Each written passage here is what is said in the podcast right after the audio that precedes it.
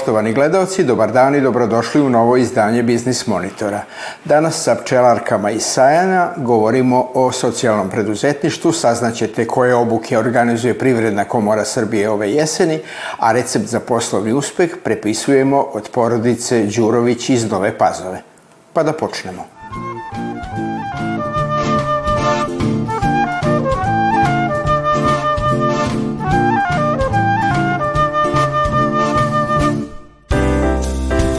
Ukupni krediti privrede, građana i preduzetnika na kraju oktobra ove godine iznosili su oko 3424 milijarde dinara, što je 0,1 odsto manje nego u septembru, objavilo je Udruženje banaka Srbije.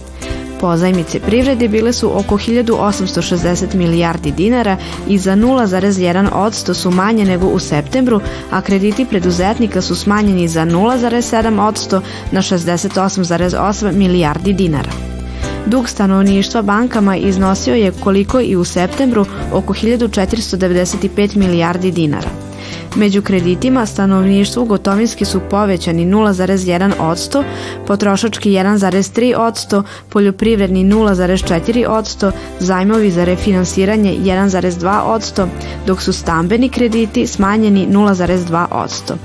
U kašnjenju otplate na kraju oktobra bilo je 2,8% ukupnih bankarskih pozajmica koliko i u septembru.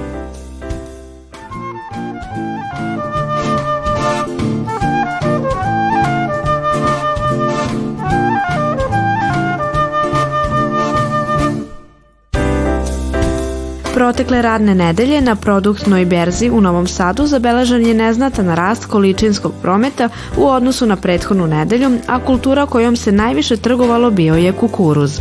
Kukuruz i soja zabeležili su rast cene, dok je pšenici neznatno opala vrednost. Kada je reč o svetskom tržištu, u protekloj nedelji blago je padala cena kukuruza i pšenice na Čikaškoj i Parijskoj berzi. Na kraju protekle poslovne sedmice na Beogradskoj berzi ostvaren je višestruko veći promet nego prošle, a uz to su oba berzanska indeksa nešto porasla. Krajem protekle berzanske nedelje u svetu i američka laka nafta i severnomorska nafta nastavile su da beleže pad vrednosti. Svi najznačajniji plemeniti i bazni metali kojima se trgovalo u svetu zabeležili su protekle nedelje rast vrednosti.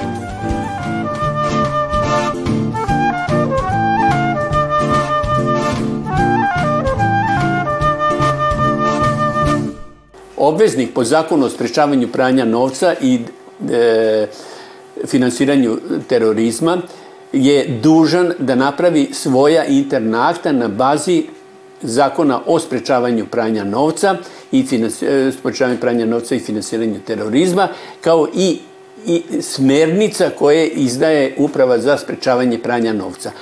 Ta akta nisu određena i nije im dat naziv ili tačno da, koja mora, može biti jedan akt, može biti više akata, znači u, u, ja predlažem da se donese posebna metodologija koja definiše postupke kod na primjer, unutrašnje kontrole, jer smo mi dužni da jedan put godišnje kontrolišemo da li mi dobro radimo, znači definiše taj postupak, definiše postupak obuke zaposlenih i tako dalje. Znači sve definiše na neki način postupke kako se e, ti postupci obavljaju. Dalje postoji, e, treba doneti program za primenu mera i aktivnosti gde e, kod primene zakona i taj interni akt sadrži određeni broj procedura gde se tačno određuje na koji način šta radimo, na koji način se vrši identifikacija, kako se dokumenti uzimaju, na koji na, znači ceo postupak se e, uzima. Dalje imamo e, pravilnik e, pravilnik o utvrđivanju nosilaca javnih funkcija Znači, u, da bi utvrdili, znači za svakog klijenta treba utvrditi da li je funkcioner, znači da li obavlja neku javnu funkciju. Ukoliko obavlja, on, on dobija, znači predviđen je pravilnik zadnjim smernicama iz kraja marta 2022. godine je pro, propisano obaveza uzimanja izjave od stranke, znači da stranka potpisuje da nije funkcioner ili ako je funkcioner, onda se utvrđuje status njegov koji je funkcioner i u, uz taj pravilnik se daje da je sve funkcije koje, koje su se računaju kao funkcioneri.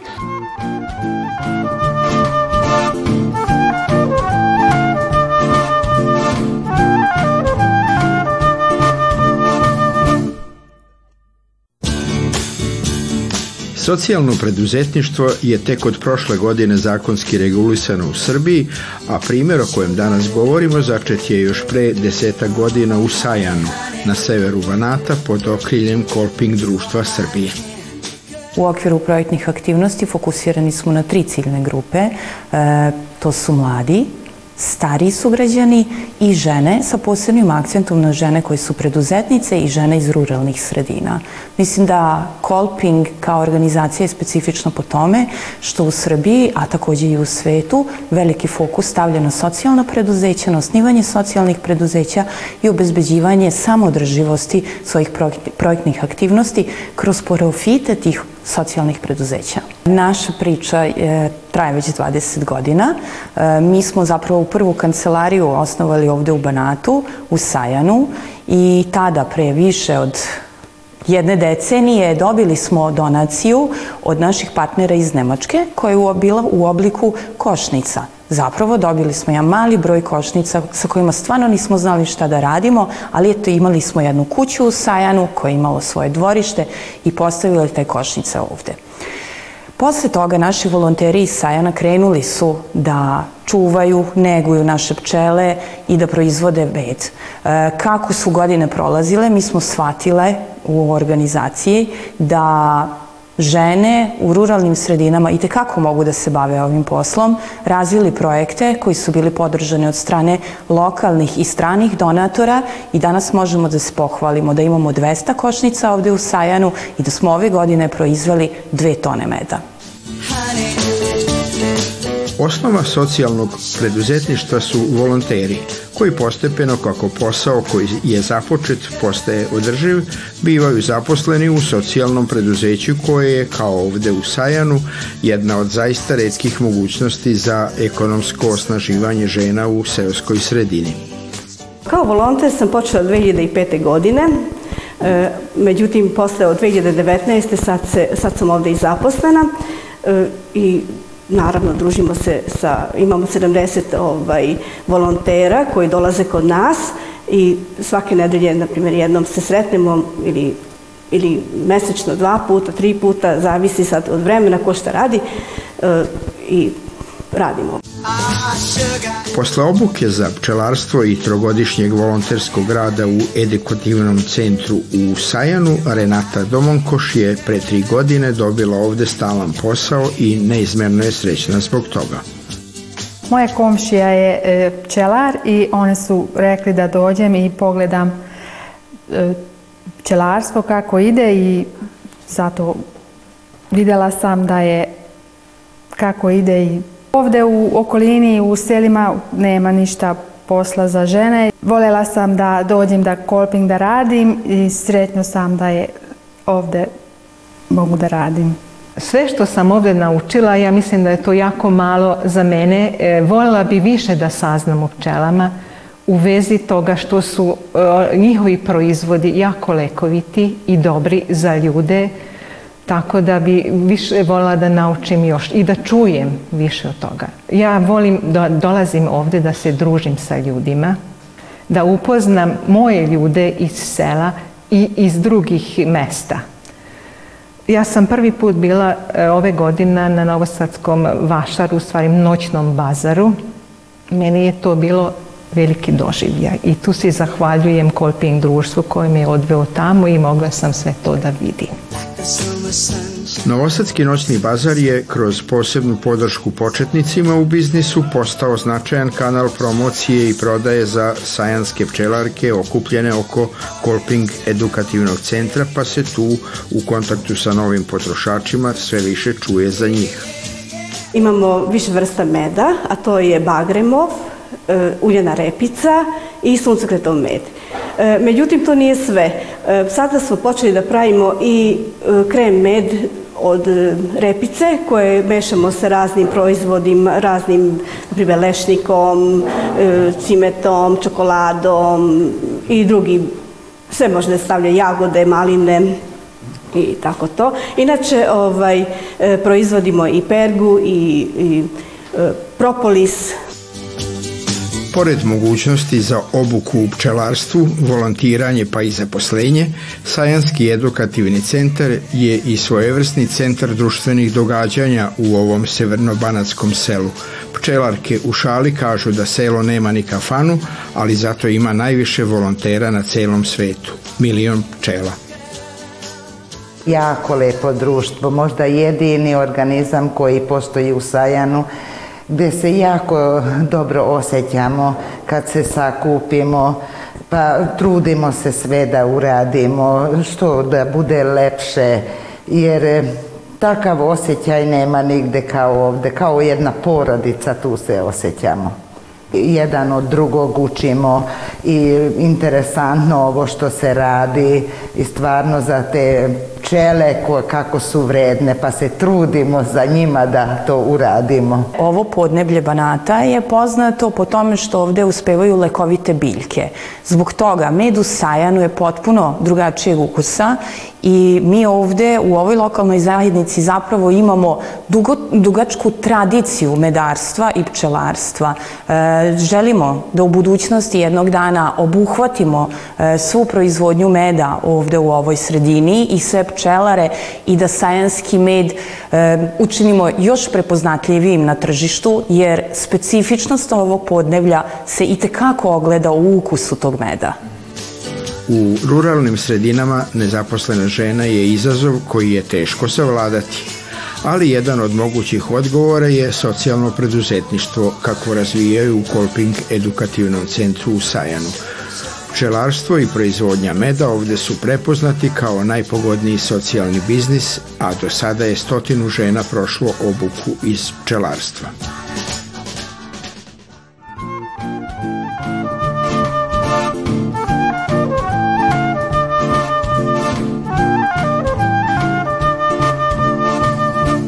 Dvodnevni webinar Radno pravo i međuljudski odnosi, zakonske i psihološke smernice e, uspešnog poslovanja, Centar za edukaciju Privredne komore Srbije realizuje 16. i 17. novembra.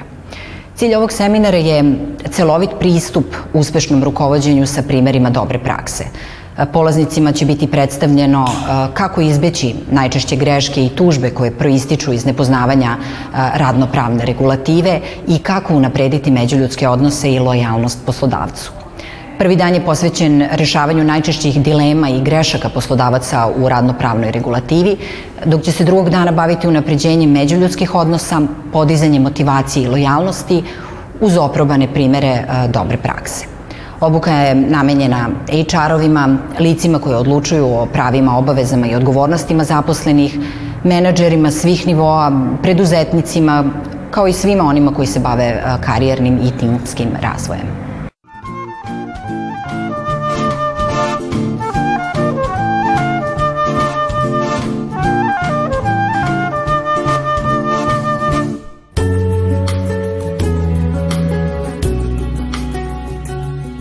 Mlađan Đurović iz Nove Pazove prvih 20 godina svog radnog veka proveo u čuvenoj nekadašnjoj geomašini, a sledećih 20 u sobstvenoj firmi koja proizvodi opremu i alat za geološka i hidrobušenja. On tvrdi da mu u poslu nije satisfakcija novac, više uživa kad stvori nešto što je proizvod njegovog znanja i stvaranja. Od porodice Đurović u Novoj Pazovi danas prepisujemo recept kako uspeti u Srbiji. Od 2008. godine preduzeće Hamertek se bavi proizvodnjom i prodajom alata za razne vrste bušenja zemljišta. Što za bušenje bunara, za vodosnabdevanje, bušenje za spuštanje nivoa podzemnih voda, istražne bušotine za eksploataciju raznoraznih e, ruda i minerala, geomehanička bušenja za ispitivanje zemljišta. Ovaj, trenutno ima osam zaposlenih i godišnje preradimo preko stotinu tona gvožđa za izradu tih raznoraznih alata za bušenje.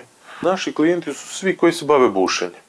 Da li su to bunarđije za neke manje bunare za zalivanje bašta, njiva, da li su to veće firme koje se bave ozbiljnim bušenjima za vodosnabdevanja naselja, da li su to firme koje se bave istraživanjem tla, zemljišta, zemljišta u, za rudnike, za podzemnu eksploataciju u rudnicima. Sve ovo, naravno, nije od juče. Kada i kako uopšte sve počelo? I kako se to stiže od samog početka pa do ovakve firme na dobrom glasu? Početak je krenuo iz društvene firme u kojoj sam radio preko 20 godina, to je Geomašina, koja je fabrika mašina i opreme, ovo što ja sada radim za geološka istraživanja prvenstveno, tu su i rudnici i tako dalje.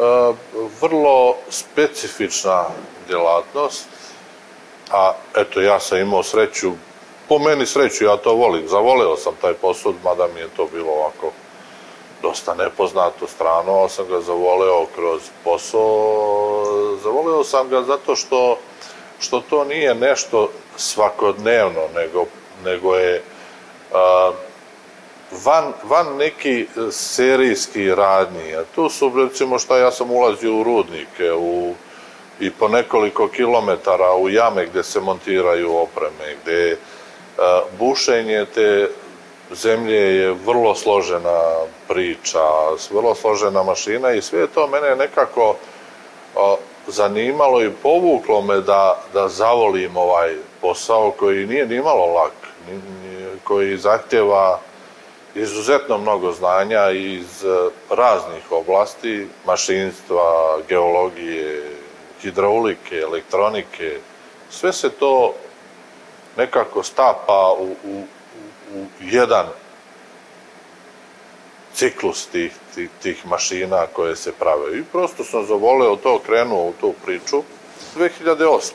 godine zvanično sam krenuo sa ovim biznisom, pre toga nije mi ovo prvi privatni biznis što se toga tiče. Ja sam i kao mlad radnik iz geomašine da bi dopunio, mada je bilo i plate dobre, ali ja sam uvek voleo nešto da, da radim dopunski i radio sam nešto što nema veze sa ovim poslom, a to je plastika. Ja sam ovde živeo u Novoj Pazovi, gde se plastika mnogo radi, mnogo ima firmi privatni koji rade plastiku, a ja kao mlad čovjek video da to svi rade, hoću i ja. I lepo sam ja to krenuo, zaradio neke pare, E onda sam shvatio da ja moram da uložim sad u kuću, u radionicu, nešto dalje da bi mogao da, da se bavim sa tim i onda sam to sve morao što sam zaradio i mašine i opremu i sve to da prodam. Pa na kraju kad sam nešto napravio onda krenuo da se bavim sa ovim ovako malo ozbiljnije. Kakav to čovek, gledajući iz vašeg iskustva, treba da bude pravi preduzetnik? Kažu da treba da ima ideju, upornost, hrabrost, neko kaže ludost, možda treba da ima i sreće ili nešto peto. Kako je bilo u vašem slučaju? Prvo čovjek mora da ima neku viziju, neke ideje, šta hoće od života, šta hoće, da li hoće nešto da stvori, da li hoće samo da ima lagodan život, da nešto se ne trudi puno, da nešto...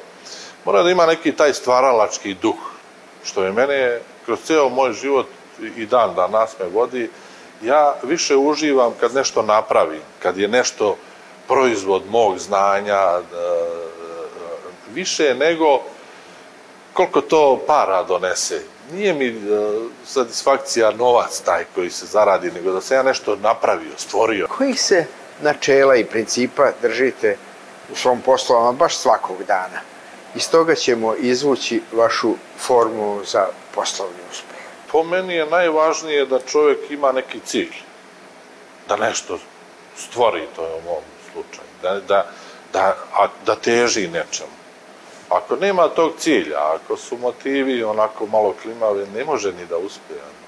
A da je teško, naravno, u svakom poslu se ima i teški, neka to bude dobro, lepo, pa se uživa, neka bude teško, zbog razno razne razloga, neka zbog financija, neka zbog razni, ali bude teško. ali ne sme čovjek da odustane. Ako ima se svoj cilj, onda mora se gura napred.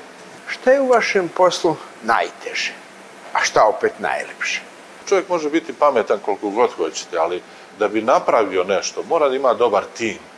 Jer samo dobar tim može da pravi dobar posao. Ja sam to mnogo puta iskusio, a sam čovjek ne može. E onda, ako sam nešto stvara, onda uvek nailazi na neku prepreku, na neki zid, da li finansijski, da li stručni, da li ovaj. Ako ima tim dobar, e onda se to sve sjedine u jedno i tu je uspeh neminovan. E, meni je to najteže bilo što je teško okupiti ljude entuzijaste. U ovom poslu mora da bude entuzijasta da mogu, nije samo financije, nije, nije samo to, nego prosto da ima želju da se nešto napravi i onda siguran sam da može. Možemo svašta da napravimo ako imamo dobar tim. Ako nemamo dobar tim, možemo imati para ako hoćemo, nećemo napraviti ništa. To je meni. A najlepše u tom poslu, ja, ja se najlepše osjećam kad nešto napravim, ja to, kad je to moje delo, kad ja, kad mi neko kaže, e, Imao sam recimo slučajeva da moji kupci kažu, vidi ovako, kaže, nije, ne ide mi ovo u prilog, ali ja moram da ti nešto kažem, ne mogu da odolim. Ono što sam kupio od tebe, a to je meni fantastično nešto, ja sam napravio od toga pare vel. E, to je meni veće zadovoljstvo nego, nego što je on to platio, ko ne platio to koliko je trebalo, ali to je zadovoljstvo. Kako je to u stvari biti preduzetnik danas u Srbiji? šta vam je u tome lepo, što ste sam svoj gazda, a šta vam najviše smeta? Nisam ja preduzetnik ceo život, bio sam i radnik i kad e, vagam sad šta je, mnogo mi je lakše bilo kad sam bio plaćen dobro za neki posao koji radim. Mnogo mi glava bila mirnija, bistrija, znam da ću zaraditi solidnu platu i nemam problema. Preduzetnik. Ja moram da mislim na sve. Od države, kako ispoštovati sve, da prvo mora da se ispoštuju porezi, no, to što država zahteva, drugo, radnici, da budu maksimalno zadovoljni koji rade, koliko je to moguće. Pa tek onda ja na kraju ostajem, ja kao preduzetnik ili vlasnik, da budem zadovoljan. Na zadnje ovo ima mnogo većih glavobolja, obaveza, ali ima i to svoje nešto što je dobro. Ko šta iz porodice Đurović radi u ovom porodičnom biznisu? A, ko je za šta zadužen, a za šta zaslužen? I kad ste vi porodica, a kad ste menadžment firme? Otac kao najiskusniji se bavi uglavnom u radionici sa proizvodnjom ovaj, tih raznih delova sa majstorima. Majke i ja smo uglavnom u kancelariji, ona što se tiče papirologije, a ja što se tiče uvoza, izvoza, nabavke ovaj, materijala i tako dalje. Ceo dan smo i porodica i, i menadžment. Nema tu neke razlike. Isto je i u kući i na poslu. Kad ste privatnik, onda ste 24 e, sata zajedno i na poslu i kući. Tako da u principu ne razdvajamo. Kakav je osjećaj biti druga generacija u jednoj uspešnoj firmu? Da li je to samo lepo, kao što drugi misle, ili zna da bude baš i odgovorno? Pa u principu jeste, da. Ove, lepo je kad se, su se svi tu grupisali oko, oko nečega, ovaj, pogotovo kad je to neki posao koji nam svima zajedno ovako lepo ide, ovaj, oko kog se svi zajedno trudimo i naravno ovaj, kad, pogotovo kad smo i uspešni u, u svom tom poslu. I na kraju Biznis Monitora mi uvek pitamo šta je za vas poslovni uspeh, a šta lična sreća. Ja nisam neko ko sad e, nešto visoko avioni, kamioni, nisam ja. Meni je poslovni uspeh da ja mogu normalno da živim, da svoju porodicu, da ne uskudjevam ni sa čim i to je meni sasvim dovoljan razlog da se razvija, da nisam na ono, ne volim stagnaciju, da to ide stalno nekim tempom, da su moji, moja porodica da je zadovoljno uključeni, da se svi tu nekako nađemo, da, da, da uživamo u tom poslu. To, a sad da li će to imati para, ovoliko, onoliko, nije mi bitno, bar ja tako gledam na to. Pa a to mu negde dođe i ta lična sreća, kad to je tako neko zadovoljstvo, ja sam srećan što je to tako. Ja sam srećan recimo kad moj unuk dođe ovde pa kaže, jao, kako, šta je ovo, pa ga interesuje, pa ja ću to da radim, pa e, to je meni lična najveća sreća. To je sve što smo vam pripremili za ovaj put. Sa novim pričama iz sveta preduzetništva vidimo se na istom mestu za sedam dana. A dotle pišite nam ih, sugerišite koje teme da istražimo za vas. Doviđenja.